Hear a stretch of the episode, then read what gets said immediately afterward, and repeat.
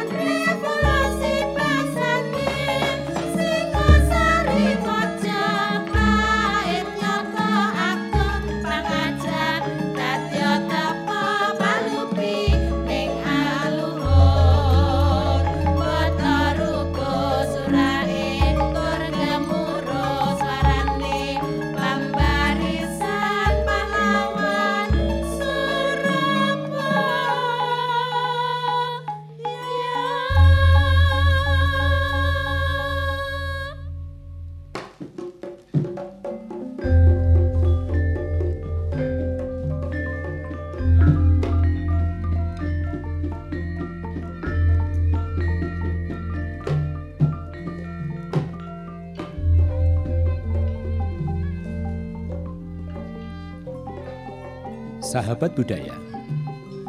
Sugeng dalulan sugeng pepanggian malih. Kalian siaran Ludruk RRI Surabaya. Produser Ning Sumartini Esos MM. Koordinator Cak Tawar Gonzales. Dalu niki melampan Untran-untran Kasultanan Ngerum seri setunggal. Naskah Cak Kusbiantoro. Sutradara Cak Haryanto. Konco-konco ingkang nampi dapuan sampun sami siyoga kados. Sultan Turki Ustami dipun lampahaken Cak Kusbiantoro. Pakah Johan Pri dipun lampahaken Cah Haryanto. Ning Purbandari dalu niki dados Sekar Kedaton. Abdullah dipun lampahaken Cak Kun Hadi Wasito. Tofa dipun lampahaken Cak Anto. Komsatin dipun lampahaken Ning Ami Sanjaya. Cakuku Setyo Budi dalu niki dados Ki Jangkung. Mban dipun lampahaken ning Sriatun. Derek-derek sedaya. Siaran dalu niki kairing kumandangi gongso Kiai Macan Putih.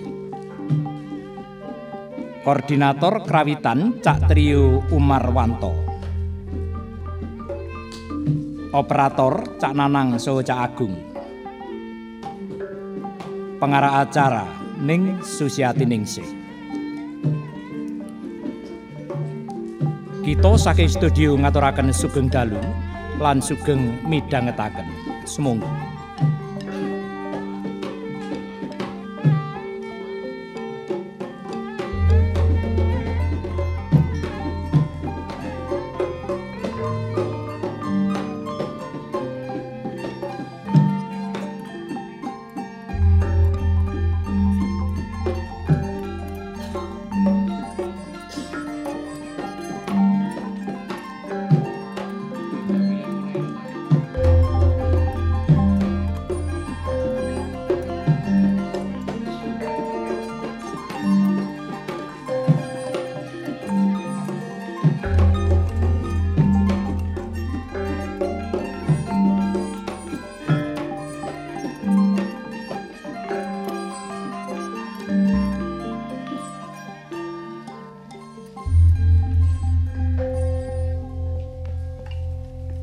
Yayi Sekar Gedaton. Dalem, Kang Mas. Kene-kene rada cedhak. Rada cedhak, Yayi. Kang Mas. Lah sampun cedhak ngeten lho, Kang. Rasane senadyan to cedhak, rasane kaya isih adoh. Oh, taksih kirang celak. Nah, nek kirang celak lungguh jejer kirang celak. Nah, dipangku mawon, Kang Mas. Iya, kene-kene tak pangku, Yayi. Ngeten sampun. Astane aja. sampun ngaten to, Kang Mas. Ora, Yayi. Kaya ngene rasane atiku sing kemrungsung nganggonku nemoni sliramu. Mergo ya ngene iki. Beteke aku salah sawijining sultan ing Rom kene sing durung nate duwe garwa. Nggih. Durung tau cedhak wanita. Ya ngene iki. Ngaten to, Kang. Ya pangapurane, Yayi. Mboten menapa. Dados critanipun Kang Mas Sultan menika nembe kasmaran. Lah kasmaran menika menawi sampun cecaketan ngeten iki rak. Terus pripun? Arasane atiku bingung nggonku mblakakake katresnanku marang seliramu. Mergo ya kuwi mau urung tahu serawung karo wanita. Apa meneh cecedakan? Apa meneh andun katresnan? Aduh Yayi Sekadaton, prasasat atiku koyok kasiram banyu ayu sewindu yen cecaketan karo seliramu. Ngaten, Kang Mas. Iya, menawi raos tresno menika sampun jumbo kalian menapa sing dikarepno nggih nggih sampun bingung blakaaken to Kang Mas. Wong kanten bloko mawon. Kang Mas Mengko gek mung keplok tangan siji. alah. Ngono lho sing tak lah kula kuwatirne. niki lho nggih ngentosi lho Kang Mas. Aku kuwi bingung kuwi mergo wedi yen katresnan kuwi ora ketompo marang sliramu. Kang Mas dalem. jenengan pun ngoten to. Monggo enggal bloko mangke mesti kula tampi Jroning kasultanan ngerum kene kaya ana pepetan, ana wit-witan sing maneka warna, sing cumandhake ning alun-alun ngerum kaya ana simbol. Ringin kurung sak kembaran kuwi simbole ratu kudu duwe sisian. Garwa Prameswari karo ratu. Lelek oh aku sultan durung duwe garwa Prameswari. Lak digeguyu karo kawulaku ing ngerum kene. kedah ngoten nggih Kang Mas Iya.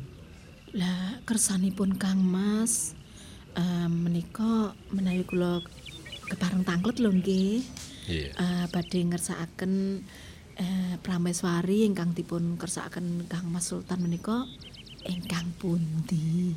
Ngene Yayi Sekar Gedaton, akeh lan ora sedidik wanita utawa putri empat mancanegara sing pengin swita ana ing ngersaku kabeh padha ngunggah-unggahi karo Sultan Turki Usman. Munggah-munggahi panjenengan Kang. Mas. Lah nek ngoten kula ajrih nggih pun nek ngoten Kang Mas. Ora kaya ngono. kula tak mundur mawon Kabeh mau durung ana sing cocok. Durung ana sing bisa meranani sakjroning atiku. Wis nganglang jagat mider anggonku goleki wanita sing kanggo nyocoki minangka garwa Prameswari. Prasasat durung ana sing cocok. Kang Mas. Ya. Lah menawi Kang Mas sampun cecaketan kalih kula ngeten iki menapa nggih badhe mider malih. Ora, Madosi malih. ora. Aku wis cocok karo sliramu Yayi Serkar Kedaton. Ah mboten bujuk to niku. Ora, Sultan ngerum kowe ora tau ngapusi. Ora tau mbujuk. Ngaten. Lah menawi ngaten mau badhe mblakakaken mawon kok ketingale ewet ngoten Kang Mas. Menapa kirang caket wong ya wis dipangku ngene kok ya ora ndang diblakakno kula ngetosi lho Kang Mas. Ini ki rasane atiku sing Apa ya? Kang Mas. Wedi. Jenengan dodone kok ndredeg. Iya toh. Nggih. Deg-degan sing kaya ngene iki. Nggih. Ya mung iki mau kabeh kedaya tresnaku marang seliramu Yayi Sekar Gedaton. Bingung, ngucap wae bingung. piye anggonku bakal ngucap mblakakake rasa tresnaku karo sliramu. Nggih sampun Kang Mas. Menawi Kang Mas kewetan badhe mblakakaken mboten menapa-menapa. Ning sing genah menawi Kang Mas Sultan mboten badhe mblakakaken kula ingkang badhe bloko Iya Kang? Mas. Lah Aduh, panjenengan gak sadurunge kowe bloko bloko-bloko. ki aku wis atiku wis kaya ih kaya ngene ya Lah rasane niki atiku mosok ya. sing bloko sing sing wadon dhisik aku kula lingsem Kang Mas. Oh, wis wis ora perlu ora perlu bl- bloko sing maneka warna nyatane aku wis ngerti yen panjenengamu nanggapi katresnanku Nah, lagi ngoten. Sing genah Kang Mas Sultan menika sawijining priyantun ingkang sanget kula tresnani. mosok yo ngono tenan to kuwi yayi Nggih, Kang Mas. mengko gek mung lamis samudana Lah menawi mboten nggih kula mboten purun jenengan pangku. Nanging sadurunge aku nerusne anggonku wawan ginem utawa bawa rasa karo panjenenganmu Yayi Sekar Kedaton. Sing perlu tak takokne ya iku mau. Aku wis cecaketan karo wanita sing nyocoki atiku. Ning durung ngerti Sekar Kedaton kuwi daleme ndi to Kok aku durung ngerti daleme Sekar Kedaton nganti dina iki mung dadi pitakonan? Engko lek aku ngadep ingkang Rama terus daleme ngendi? Aku yen burung ngerti to Yai Kang Mas. Iya. Kang Mas Sultan. Yai. Nggih sakmenika panjenengan kula jarwani nggih. iya iya iya Tapi nggih astane rada ngrangkul ngeten lho Kang Mas. kene kene kene kene iya duh rasane Mas. atiku kaya ngene iki Kula niki Sekar Kedaton Sekar nggih. Kedaton. Mijil saking Mataram. Putri Mataram ning ngono Lho. Nggih. Kula menika putrinipun Kanjeng Sultan Agung Kang Mas. Sultan Agung pengayoman tanah Jawa kono Inggih. yen ngono aku lancang wani grayang seliramu Nah kok lantang sing digerayang nggih purun lho Kang Mas. Yayi. Kaya ngene rasane atiku bareng weruh seliramu kuwi putra ing pangayoman Mataram. Njur piye anggonku bakal nyuwun ingkang Rama. Aduh rasane Nggih Kang. Mas, menawi ngaten, jar menika nyatanipun kula nggih tresna kalih panjenengan. Panjenengan nggih sampun tresna kalian kula. Iya, Yai. Kula rantos dhateng Mataram nggih Ya Kang mesti mesti aku bakal nyuwun ning ngersa dalem. Nggih, Mataram Kang Mas sampun pekewu lho nggih. Kula rantos nggih Ning mesti ditampa to Yayi. Kula Iya. rantos nggih Iya, Kang iya. Mas. Yo, Sekar Kedaton. Sekar Kedaton. Sekar Kedaton. Kanjeng. Kanjeng Sekar Sultan. Loh, panjenengan nembe kemawon sari. Dadak anglayoni panjenengan guru-guru menika wonten wigatos menapa Gusti? Patih John Free. Nggih, Seliramu sing rawuh kene mau. estunipun menika wonten menapa Kanjeng Sultan? Yen ngono Kakang Pakah John Free ngerti sing tak ucapne. Inggih, wiwit panjenengan guru-guru kula wau kok nimbali Sekar Kedaton, Sekar Kedaton. Estunipun menika sinten Kanjeng Sultan? Aduh, Pakah John Free lingsem aku yen ngono iki. Yen ngono aku lingsem. Aduh, yes ora apa-apa. Seliramu Pakah John Free isik warangka dalem ing Kersotan Ngerum sing uga duweni hak perlu ngerteni kepribadiane Sultan ing Rum kene. Inggih Kanjeng Sultan. Ngene, Pakah John Free, iki mau kan ngimpi aku. Ngimpi sak tenane jroning pangimpen iki rumangsaku aku ketemu karo wanita, putri. Sing ayu rupane. Lajeng kados pundi Kanjeng? Dheweke gelem leladi karo aku. Mblakakake tresna karo ku Sultan ing Rum lan nampa katresnanku mangkono uga aku ya uga tresna karo putri mau. Oh, kados ngaten nggih. Mulane aku nganti geru-geru ki mau. Jalaran rasane hatiku ki moh ditinggal putri mau. Oh, kados ngaten Kanjeng. Aduh, Pakah. Estunipun menawi kados ngaten panjenengan sampun trep sampun jumeneng sultan wonten ing Rum mriki Iya. nanging panjenengan dalem menika dereng kagungan garwa. Ya kuwi Pakah. Sing dadi unek-unek ing atiku jar aku sultan sing isik durung duwe garwa Parameswari. Ning kebenaran iki mau aku ngimpi kepethuk karo putri. Miturut ature putri mau jenenge Sekar Kedaton. Nggih, Sekar Kedaton. Sekar Kedaton Nggih, lajeng putri saka tanah Jawa. saking tanah, Tanah Jawa. Nggih. Apa Pakah Johan Fri tau krungu yen ing tanah Jawa kono ana kraton jenenge Kraton Mataram? Apa tau krungu, Pakah? Nggih. Estunipun nembe sepindah menika. Ananging kabar ingkang kula tampi wonten ing tanah Jawi menika kathah para wanita ingkang indah sulistaning warni. Ngono, Kak. Ateges Pakah Johan Fri wis krungu kabar kasulistiane putri-putri ing tanah Jawa kono. Leres pangendika panjenengan Kanjeng Sultan. Pakah kaya ngene atiku. Manceping tresnaku karo putri ing Mataram Sekar Kedaton. Kaya-kaya pengin ndang nglamar ing Mataram. Ngene Pakah. panjenengan.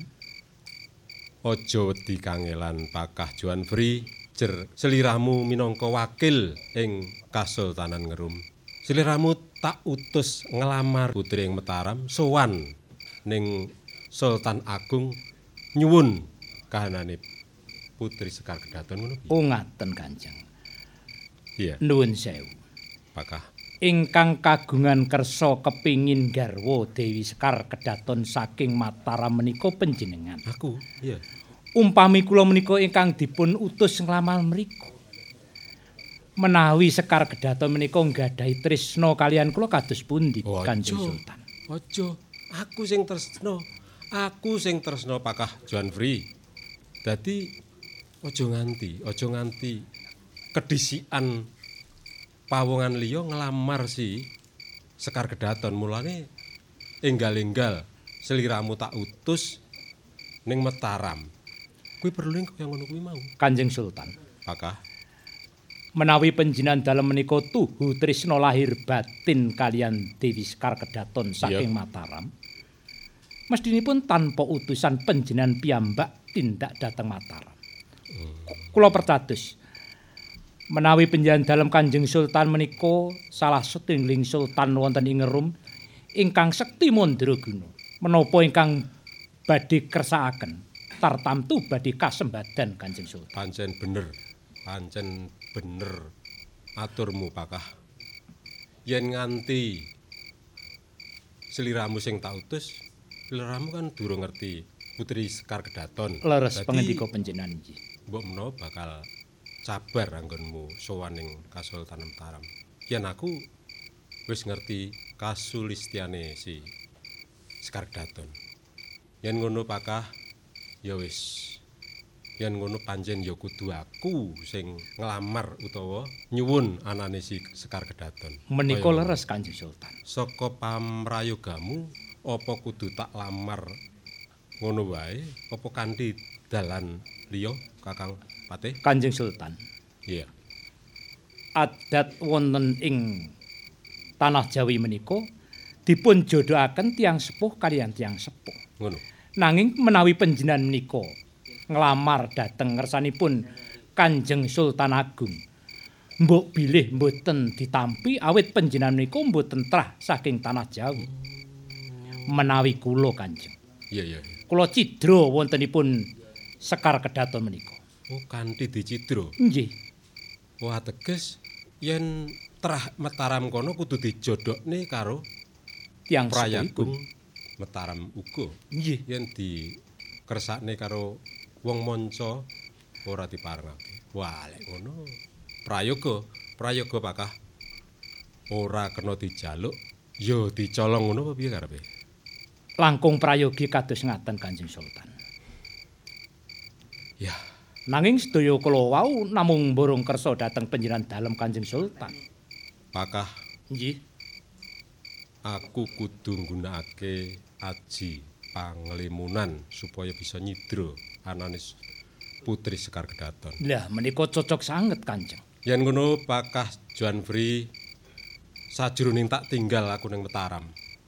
Katentreman, panguwasa lan kewajiban ing Kasultanan Ngrum sawetara wektu tak pasrahake marang sliramu, Pakah Juan Free. Ngestakaken dawuh Kanjeng Sultan. Yen ana payo-payo, ana bebaya kang tumempuh ing kraton Ngrum kene, mangsa boronga sliramu, Pakah. Sedaya kula wau kula ingkang tanggel jawab Kanjeng Sultan. Percaya yen sliramu bisa nyepeng utawa nyekel kawibawan ing Rom Stambul kene. Mula Pakah, ora kesuwen aku kang bakal tumuju ing Mataram kono. Pangestumu tak jaluk, Pakah. Monggo ndherekaken Kanjeng Sultan. Ya wis aku budal ya.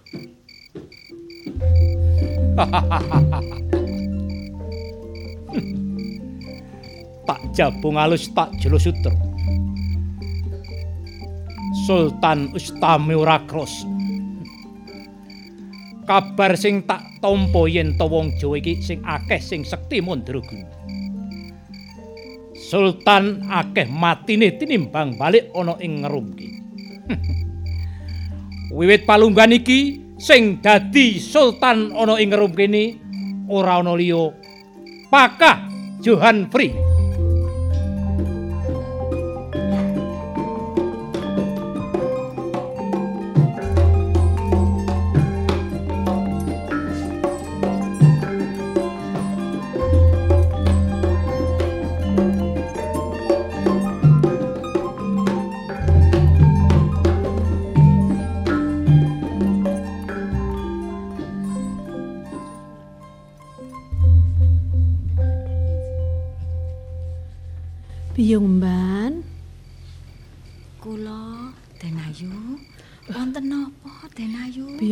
Sumi, mbok yo rada cedhak kene. Ah, kula nika nggih sungkan to Denayu. Awit napa? Kula niki salah satunggale Biyung Mban. Cekap wonten mriki kemawon to. Ya wis Biyung Mban. Nek ngono aku sing nyedak ning Biyung Mban. Sampun, sampun, sampun, sampun. Wis to Biyung Mban, ora usah pekewuh Biyung Mban. Pokoke ingsun nek wis cecaketan karo Biyung Mban, nek wis ning jero petamanan Mataram kene, ya wis ayo padha lelumban seneng-seneng ngono lho Biyung Mban. Ngaten lho Ndara Putri. Hmm. Niki wau kula badhe niki mijeti sukune panjenengan. Oh, ngono lah ya iku sing tak enteni Biyung Mban. menawi badhe lomba nggih biyung gendis. lumban nek lumban-lumban seneng-senengan ya ora kudu ngenteni biung gendis to. Biung ban sumi iki rumah saku ya iso nembang to biung ban? Aduh, ngapunten, ngapunten sewu Ndara Putri. Aduh ngapunten, kula kang mijet-mijeti sukunipun Ndara Putri Ya, kemawon. biung ban iki nek ngene iki kok ya rada pekewuh to. Enak enak biung ban ya nek ngono saiki ngenteni biung ban gendis Oh, ngaten. Lah Byung Ban gendis ki manggone ana ngendi Byung Ban? Lah kok ora? Menika. Lho. Nyun sewu, Gusti Ayu. Kula nyuwun pangapunten. Ana apa to Byung gendis? Mau nggih tasik repot. Niki Oh. unjukane jenengan. Oh iya, matur nuwun. Iki unjukan apa Byung gendis? Lah remenaning jenengan lah eh niku ta. Sinom niku ta. Oh, sinom. Lah, Yo nek e unjukane sinom, enake iki tembange yo sinom. Oh niku napa? Kadek ditembangaken napa ngoten? Lho Wonten iya to? Byung Ban. Sinom niku wonten tembange. Rumangsaku kok yo ana Byung Ban. Eh, Lah sing sing pripun to? Sing Biyung ban gendis iki kok Ban? aneh-aneh wae to. Lho, lah kula lak dereng ngertos. Ngoten lho. alah Byung Ban gendis iki kok yo iso wae. Lah, kula ngira mau mireng-mireng ngoten mawon. Ayo jajal, jajal Byungban. Sinom. Oh nggih. Heeh. Nggih. Nek aku dipeteki karo Biyung Sumi, Ah. terus unjukane wedang sinom, terus direngeng-rengengi Oh, teteh gendis. sinom. Nganggo tembang sinom. Pundi? Oh, Nyun nggih. sewu, Ndara Putri. Oh, iya, Biyong Ban. Astonipun, astonipun sak menika gantos Iya. astonipun ingkang badhe kula pijet-pijet. Ayo, Biyong Ban. Gusti Ayu. Oh, nggih. Ngrantes niki kula nggih tasik nganu mendhet nganune niku wau. Lho, dengan mirengaken nggih Gusti. Heeh.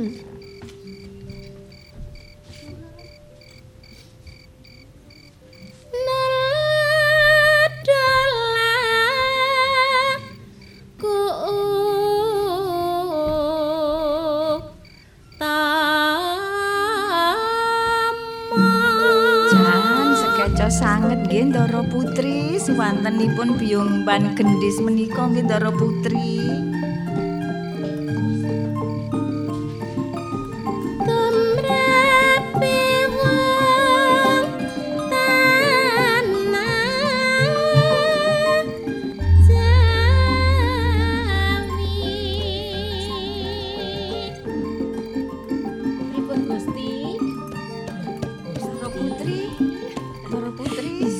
Biyong Ban. Wah, aku ki dadi terus kenaan lho Biyong Ban. Terus liyer-liyer Putri. Iya. Biyong Ban, lah saiki lho, bendara sapa sing gak seneng Biyong Ban? Manggon ning keputren petamanan.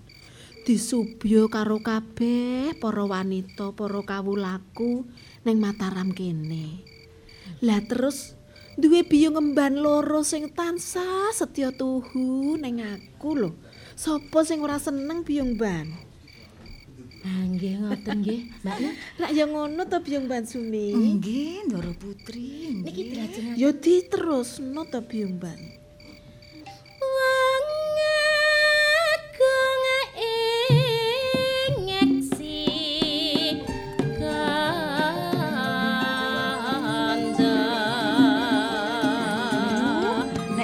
Aku dadak kepingin mulih nang desa ketemu bapak karo makku. Nek ngene iki. Masa ya ngono to biyong ban? Besok biyong ban, besok nek wayahe biyong ban kuwi iso leren. Ya ora apa-apa mulai nang desa biyong ban.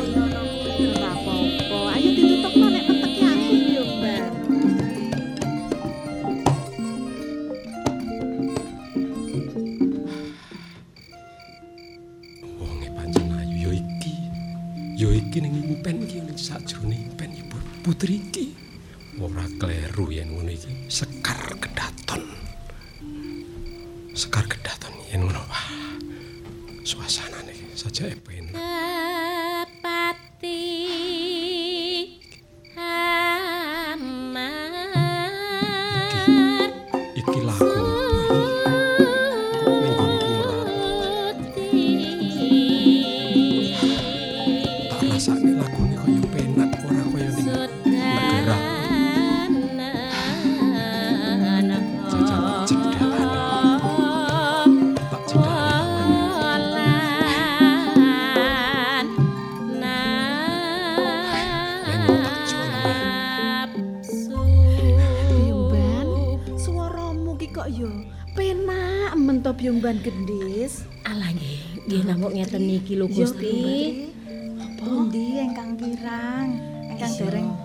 dipun pijeti niki ingkang pundi? Gusti sing kene Gusti, biyong ban. Gusti Ayu. Apa Kok biyong ban kados gendis? wonten angin to Gusti? Ono angin. Nggih Gusti. Angin apa to? Boten Lho, biasanipun lho Lho, Ndara nggih. Putri. Iya ya. Kok krasa rada adem ya biyong ban? Ono apa iki? Kok tambah Lagi kok ya peteng ini ta biyong ban? Lah tak Oh ya peteng sangat kahanan. Gusti. Biyong ban, rada rene. Biyong ban,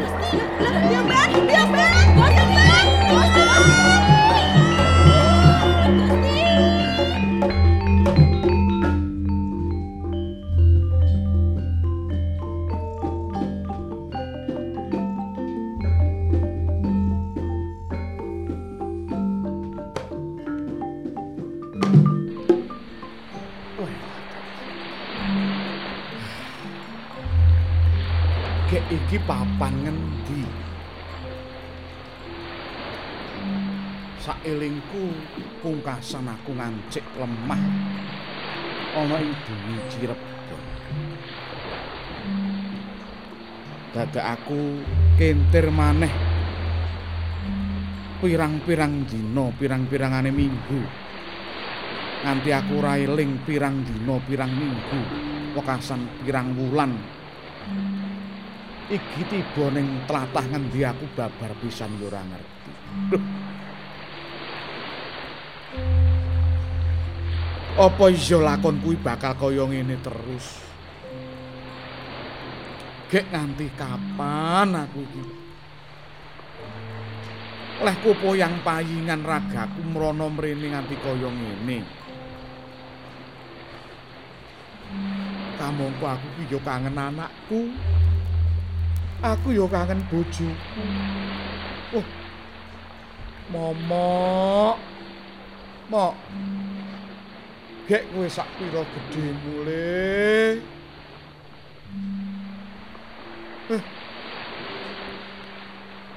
Aku ora iso nyanding kowe. Mok. Bisa aku tak pepujekke muga-muga kowe kuwi bisa dadi bocah lanang sing bisa mikul dhuwur mendem jero karo asmane wong tuamu le.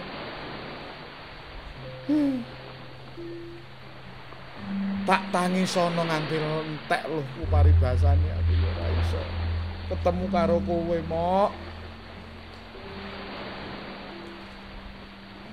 Bojoku. Sumira.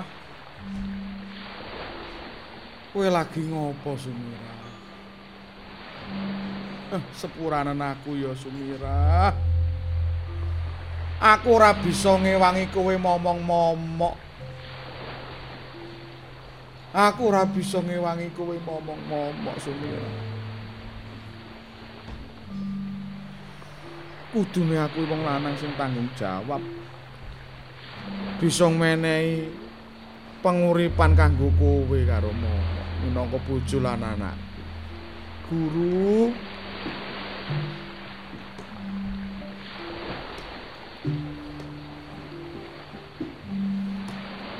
Gek kula niku kedah kados pundi sakniki, Guru? Niki tlatah pundi kula nggih mboten ngerti. Eh. Bu aku tak munggah rada rono kaya kok tanahe padas-padas kaya ngene. Lemahe kok atos temen nek hawane kok panas men iki gek tlatah ngendi.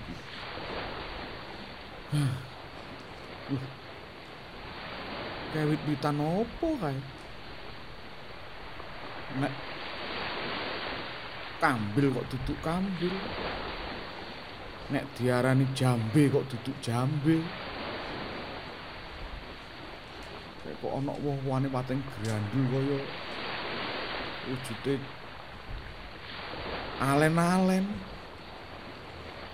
Ning kok ngono. Iki gek tlatah ngendi ya coba aku tak mlaku ning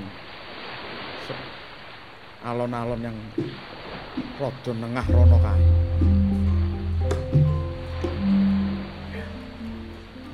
Iki sajake esuk-esuk ngene iki mulo hawane rada seger. Ning lemah iki kok isine wong wedi. Ora-ora sakmo nambane ora ning wit-witan apa-apa kejaba mung wedi. Loh. Sak dawane lek nyawang lho kok mung wedi. Yo. Gek mendah niyo panase ki nek awan. Eh, kamangka aku ki sikilku yo mung dlamak ngene. Waduh.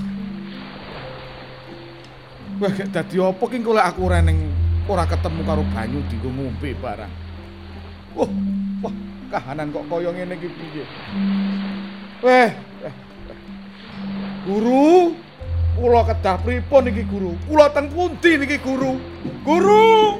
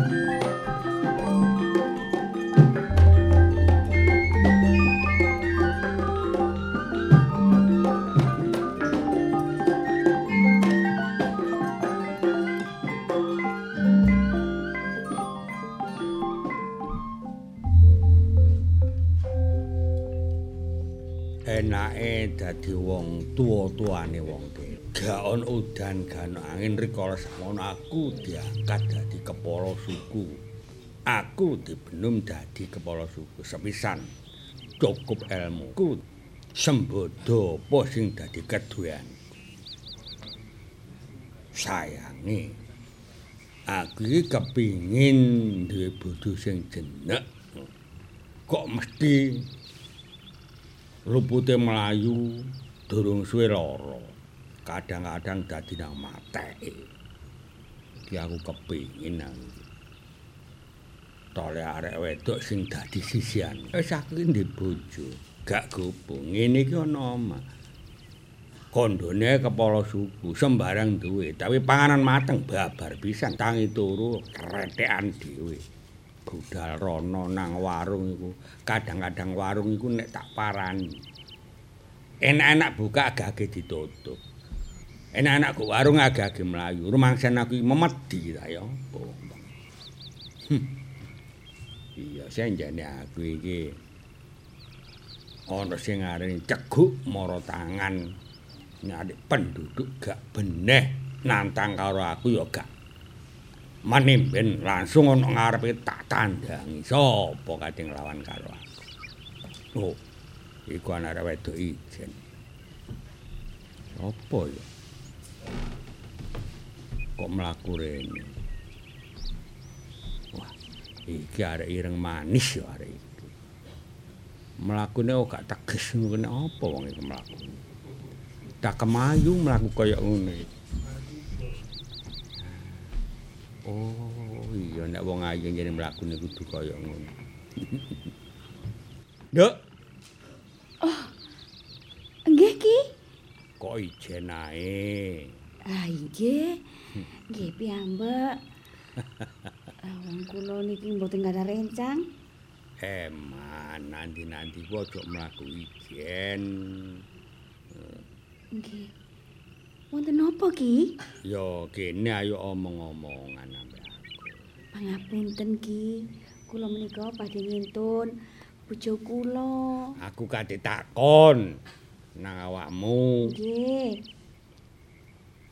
Kon ayu iki dikongkon sapa sih? Jenengan iku saged mawon, Ki.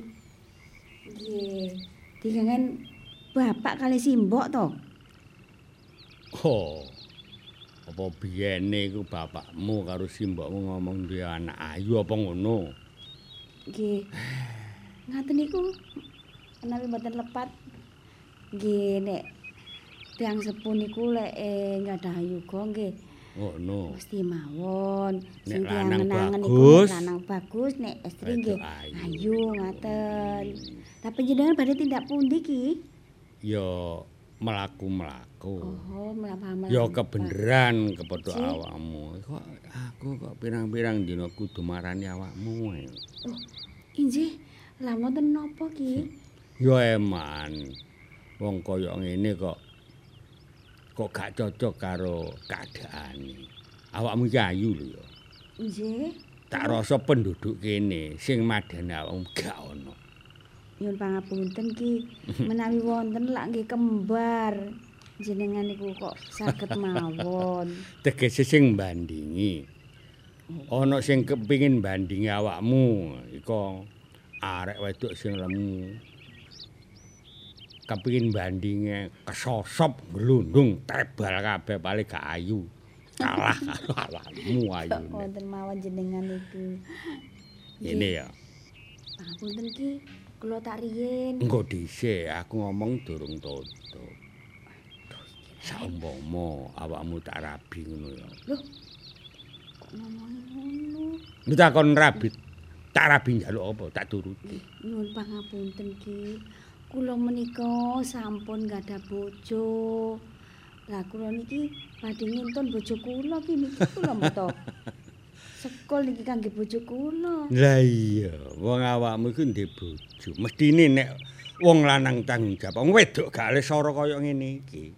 Alah, Aku ngerti bojomu, aku ngerti. Arek loro-loro ngono kok. Mboten ki. Aku ngerti nang sawah iku alasan ana kono paling iya. Engko nek awakmu durung teko, wetenge dicekel mules jarene. Ngaten niku nggih. Eh napa? Sampun kalih menawi ki nek adaranipun dicepengi ngoten niku. Oh luwe. Nggih. Aja aja mbok kira luwe. Arek iku dasare gak batal luwe wong males. Wis tak rabi ae. Njaluk di, dipegat. Kon njaluk apa tak turuti? Mboten. Lho, tak pangapunten ki. Apa kurang gagah aku? Gak ana wong gedhe dukur don dodoku simbar kaya ngene iki. Hmm? Ki, Hmm. nyuwun pangapunten. Teng mriki lak nggih kathah to ki, kathah prawan, kathah rondo nggih. Nggih ayu-ayu. Jenengan iki lak saged mawon milih niki, milih nika, sinten mawon. Lak saged ki. Nek awakmu ngomong ngono gak ono salahe.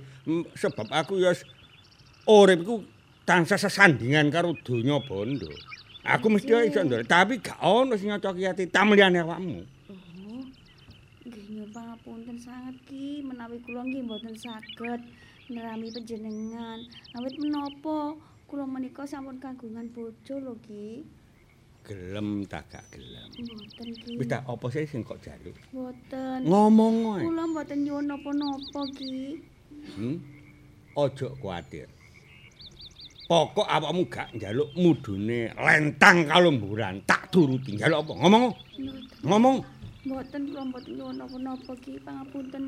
Kula tak mangkat teng saben kula padha nonton bojo kula. Aja wis gua niku. Hmm. Aja mbok kirim kaya. Mboten.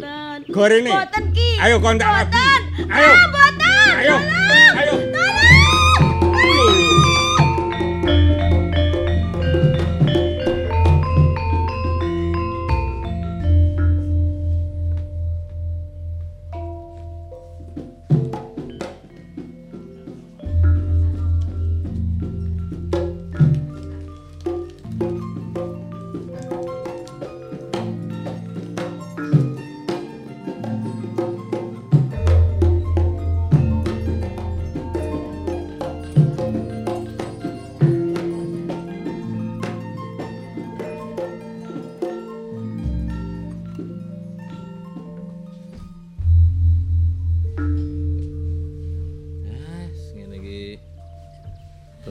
Resik-resik wit kurma. Nganti awan bojo ra teko-teko ya opo. Wit kurma tak resik nganti resik kaya ngene. Karepku ki ya mben nenek metu ngono gawe nggon neh nandur kurma meneh. Tapi ya baune ra cukup nih. Nanti awan ya kaya peteng wis luwe ora teko-teko jane iki karepku duwe bojo siji ki tak eman pikirku ki. Mesakne sikile loro. Kok yo mau semayan jare arep nyusul. Kang, Kang. Eh, Aduh, Kang. Aku belayu-belayu, Kang. Cek nang iku, cek nang tutuk sawah. Lu Klambi- Jawa tengi dicekeli. iya wis luwe Wis ket ngeli mati. to, wong anu iku aku krasa nek sampean Hmm. waya diiseni. Wetengku ngantek perih kaya ngene. Hmm. Sik, klambimu kok ana sing suwek kecantol apa ku, Mang? Ya iki mah aku melayu-melayu Eh. kecantol carang ki mau, Kang. Kan Gawakne apa, Mang? iki sego jagung, jarene mau jual sego jagung. Oh iya. Iwak ya. Nah, iki iwake iwak gereh, yo. No, iki sambele. Hmm. Yo, ayo mangan bareng. Ah, ora mangan bareng ae lho. Bareng ya. Hmm, rasa ndadak Yo, tulang-tulangan. anu rada kono to, Kang. Iku lho. Rada ngiyup ya. Yo, mm, nah. Hmm. Mangan ngene. Ngene lho, karepku sok-sok iki lek nggon sing kidul kae ditanduri neh lho ya. Iku arep tanduri apa, Kang? Ya tanduri kurma neh. Oh. Hmm, delok sawangan ta. Kurma gemberandul koyo ngene kae seneng sih nyawang. Iya, Kang. Ngene iki aku ya melok seneng nek eh, tandurane awak dhewe subur kaya ngene ya, Kang. Masih urung wayahe panen, ning kan yo lek ndelok kaya ngene pentile iku iki, lah iya. Iya. Pinang ayo. Ki. Ngono ya wis karo di Iku mangan. ono rine iki lho, cok di. Waduh, dicukoki dhisik to. Ya ngono elingno, aku ki Apa ora. lan nek leken ya apa terusan. Aku ora wis rapati awas to ngene iki. Aduh, lesu ya lesu rek, tapi yo ndelok-ndelok nek ringin iki aja diemplok ae. Waduh. Heeh. Iki lho, hmm. Minta ompes nang ini. Iya. Ya niku nek gak diompes nang ridi jangan dilelek kae. Ya ngono, pilih ana ngono rene. Eh, Enak ya sambelku ya, Kang. Pas ya. wah, enak. Tenan pokoke ning aja pedes-pedes to lek gawe. Iki mau wis tak kurangi lho Kang lomboke. Aku ki nek nyawe pedes ya tak pangan dhewe. Sampeyanku gak arep pedes malah aku nyambelno paling dhewe-dhewe ngene iki. Ya. Dewek-dewekno. Ngene lho. Karepku ki meneh-meneh lek ngirim ya. Heeh. Kan wis semayan isuk mang. Iya. Yo awan-awan rek. Iya Kang, sakjane iku. Weteng iki lho wis gak kuat. Sakjane aku mang gak awan, Kang. Terus iku apa jenenge? Lah kayune iku lho, Kang. Kok iso aku njukuk lak garing sih bojoku iki panteles. Sok beluk agak banter-banter. Oh, matenge suwi ngono. Matenge suwe. Iya. Ono. Woi! Aduh. Anak, mandek. Woi. Sapa, Kang? Oh, Kang, sapa, Kang? Hai. Rene. Leren. Aja mangan. Loh. Nggih, nggih, nggih. Wis suwe kono ana kok. Kebonan iki, Mas. Hah? Ya mun dangu. Nandur apa iki? Loh, loh. Bukan. Aduh, aduh. Nik anu niki napa? Kurma niki. Kok pun pun diurat arit ngeten to. Delon, Dek apa iki? alasan kon. Alasan kon. Enten apa kok moro-moro kula diajar ngeten iki?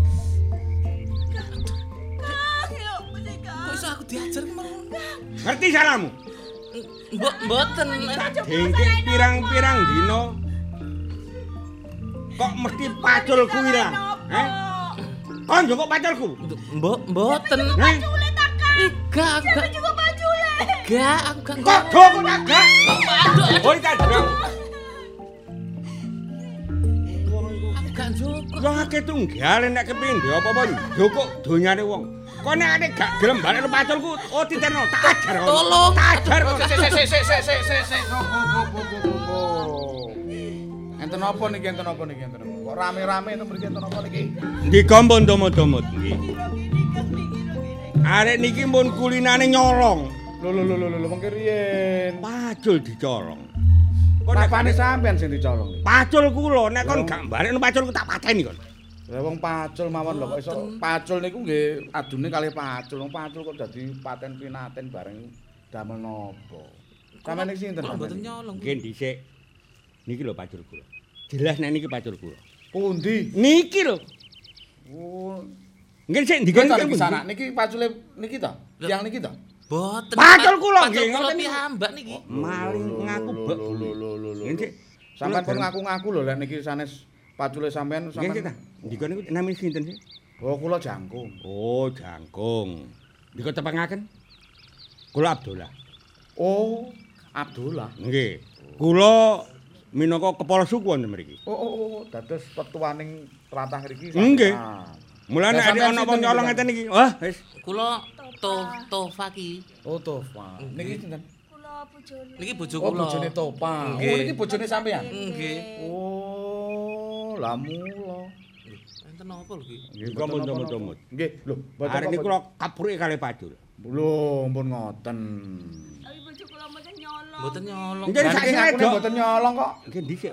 Mpun gampang-gampang ndika mun percaya mengenai wong loro niku. Wong loro niku mun kong kali kong. Sing tinggalin sing wedok mlakune bener. ah. Tiang nek mlakune bener ngoten mesti mboten tumindak ngeten-ngeten. Niki mlakune mboten bener. Nggih laksa laku-lakune mboten bener ngoten niku. Lho napa ngoten niku? Lah sampean napa niku mlakune nggih mboten napa-napa ngoten. Sak tinggal kan mlama mriki.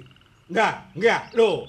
Mosok ono teracak iku sitok teracak sitok jinjit. Mboten ki niku mantun tiba jan iki. Oh, sikile abuh ngoten lho Nggih. pancen berarti. Alasan niku dibebel niku alasan. Sampean Pak Abdullah. Nggih. Oh. Pokoke kula mboten nrimaken pacul niki. Waune niku dorane niku dawa. Kon kethok ae. Kon kethok iki. Kon cocok nek karo awakmu wong kerdil ngono. Mboten nggih ancene sak meten niki. Alasan kon niku. Ki griya nggih ngeten niki. Ora jane Pak to Pak. Iki sa Nggih. iki jane pacule sampean dhewe napa pacule Pak Abdullah niki? Nggih kula mbeto king griya niku wau. Niki ngakune pacule dhewe lho Pak. Kula mboten mbela sampean, kula nggih mboten mbela Nggih, mriki. nggih. Ngoten lho nggih. Niki pacul kula, cuma dorane niki gecokane niki lho. Hmm. Rak dawa. Niki dikethok. Pancet niki. Nggih pun lek ngoten ngeten. Kula mboten seneng yen enten wong regejekan utawi wong padu perkara pacul ngeten iki. Pun ngeten. Pacule sampean kula ijoli. Dikane joli napa? Nggih pacul. Saestu pacul napa yo? Lho. Kula nek mboten pacul kula dhewe mboten purun. Lho. Nek pacule sampean niku bahane napa sih? Nggih wesi. Wesi Nggih, paling. nggih. Durane nggih duran kayu ngoten to? Nggih, tapi wesine mboten sembarang wesi niki. Wesi Jepun niki. Oh. Bawesi Jepun mesti napa? Kok niki mboten Pun kaya ngeten. niki tumbas. Pacule sampean kula ijoli pacul emas. Lho. Ni eh, ni eh, niki Mas saestu. Ya sampean delok. Wadah. Nggih, Pun. Sampean delok. Nggih, nggih, nggih. Niki mas saestu napa mboten? Mas temenan kan. Ayo koyo Eh wong ki wae lho. Mangka ono pacul tapi wong ku mang ngomong kok gak langsung ngono ono. kaya iku mau. Nggih, nggih, nek ngoten eh, eh, kula kula purun, kula purun niki. Purun nggih? Purun. Nah. Nek sampean pun purun pacul emas niku yen ngoten sampean mboten badhe ganggu gawe pacule topan iki to. Oh, mboten, mboten. Oh, pokoke wong kula asal pacul ngeten. Mamula nggih. Nggih. Nggih matur nuwun sampean saged niku misa perkara niku wau. Sakniki perkara pacul lak pun mboten dadi masalah to. Nggih, kula tak mantuk. Lho ampun riyin. Ampun mantuk riyin. Lho, Mpun enak-enak napa pacul Mas niku, ngoten lho. Lho, napa semangga? Asline sampean mriki muring-muring lak mboten perkara pacul sih. Perkara arek wedok niki to. Lah, dikamun anu lho, mun nuduh-nuduh lho nggih. Mboten nuduh-nuduh. Lah sakniki pun sampean cocok nih kali kelakuane sampean mawon. Bener napa mboten omongan kula niki? Ki ki leres. Kalau wau dioyak-oyak kajeng dipek bojo kula mboten purun. Lho, lah nggih. Ngoten lho Ki, kula Pa? diber-ber. To, Pa. Ki lho Kang, Nggih. cariku suwek iki Ki, Kang. Nah, yen ngono bojomu kuwi arep dipek Pak Abdullah. Wah, mulane niku wau dugi kok. Pacul iki mung arep dingge pawitan lek golek perkara karo sampeyan. Oh, ngoten to nggih nggih. Matur suwun ki kula ditulungi ki. Ampun ngoten Pak Abdullah. Hmm? Tok napa niki lak bojone Topa. Mboten apa. Tiang wedok niku lak pun gadah bojo. Kula niki Lah napa ngesakaken. sampean uber-uber niku? Kula ngesakaken kali Komsati niki. Arek ayune ngoten nah bojone kaya ngoten lho. Lho, Wis elek loro-lorone. sing arani sinten si Topan iki elek lak sampeyan. Sampeyan lakan. Lah Komsatin. Iki Arek ganteng. manise kok bojo ngoten, ya. kula. Arek manis koyo ngene Ah, jarene. nggih, jare bojo kula nggih ganteng ya kula niki. Sampeyan niku ngenyek-ngenyek wong. Loh, loh. Di sana Lah napa? ndika nyulap ta? Lho sulap pacule napa? mboten kados Mas malih? Hah? Ndika niki nyulap. Wah, bejuk ndika niki. Napa kok malih malih mboten Mas? Kula niku mboten nyulap. Sampeyan dhewe sing ulap. Ulap kalih kahanane sampeyan dhewe sing sampeyan mboten iso nata kahanane sampeyan dhewe. Sampeyan mboten iso nata atine sampeyan dhewe. Wah, wong iki nek tak umbar. Sampeyan mboten iso nata nepsune sampeyan. Genah niku bojone wong kok arep sampean karepno, eh? Wong iki keminter ngene wong. Eh? Ditenono kan kok ya. Wong iki. Eh, di sana. Mikir to kene. Apa Abdul?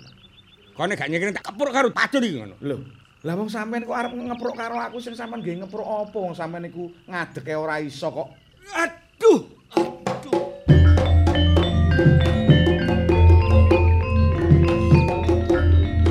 Aduh, ke sana. Aku njaluk sepuro ke sana. Aku wis gak duwe daya ke sana. Sepurane ke sana ya. Abdullah, ah, Iya ke sana. nek pun ngeten sampean iso napa? Nggih. Kula disepunten nggih. Kula akoni. Sampean pun nedit sepunten teng kula. Lah disepunten Sampean nedya sepunten teng gene sing gawe sampean. Lho pun mati. Sinten sing gawe? Mak kali bapak. Niku lak lantarane. Lho, kula niki ya napa mboten saged waras ngeten niki. Saged waras nek sampean niku iso ngresiki sampean dhewe niki. Pacul wau lho sakniki dadi sapu ngeten niki. Hmm. Niki dingge pertanda nek sampean niku kudune iso ngresiki awake sampean dhewe. Nggih, kula manut napa atur ndika. Cuma cara ngresiki. Kula niki kelebu tiyang sing pun mboten wonten sing wantun kali kula. Sakniki ndika saged ngalahaken kula. Perkara resiki awak kula, kula pasrah kali ndika. Ngoten. Nggih. Nek ngoten ayo bareng-bareng ngudi resiki awak. Ning kula ngeten. Kula nyuwun tulung sampean dudone sing pundi jenenge Kasultanan Ngerum. Ngoten. Nggih. Monggo tumut kula.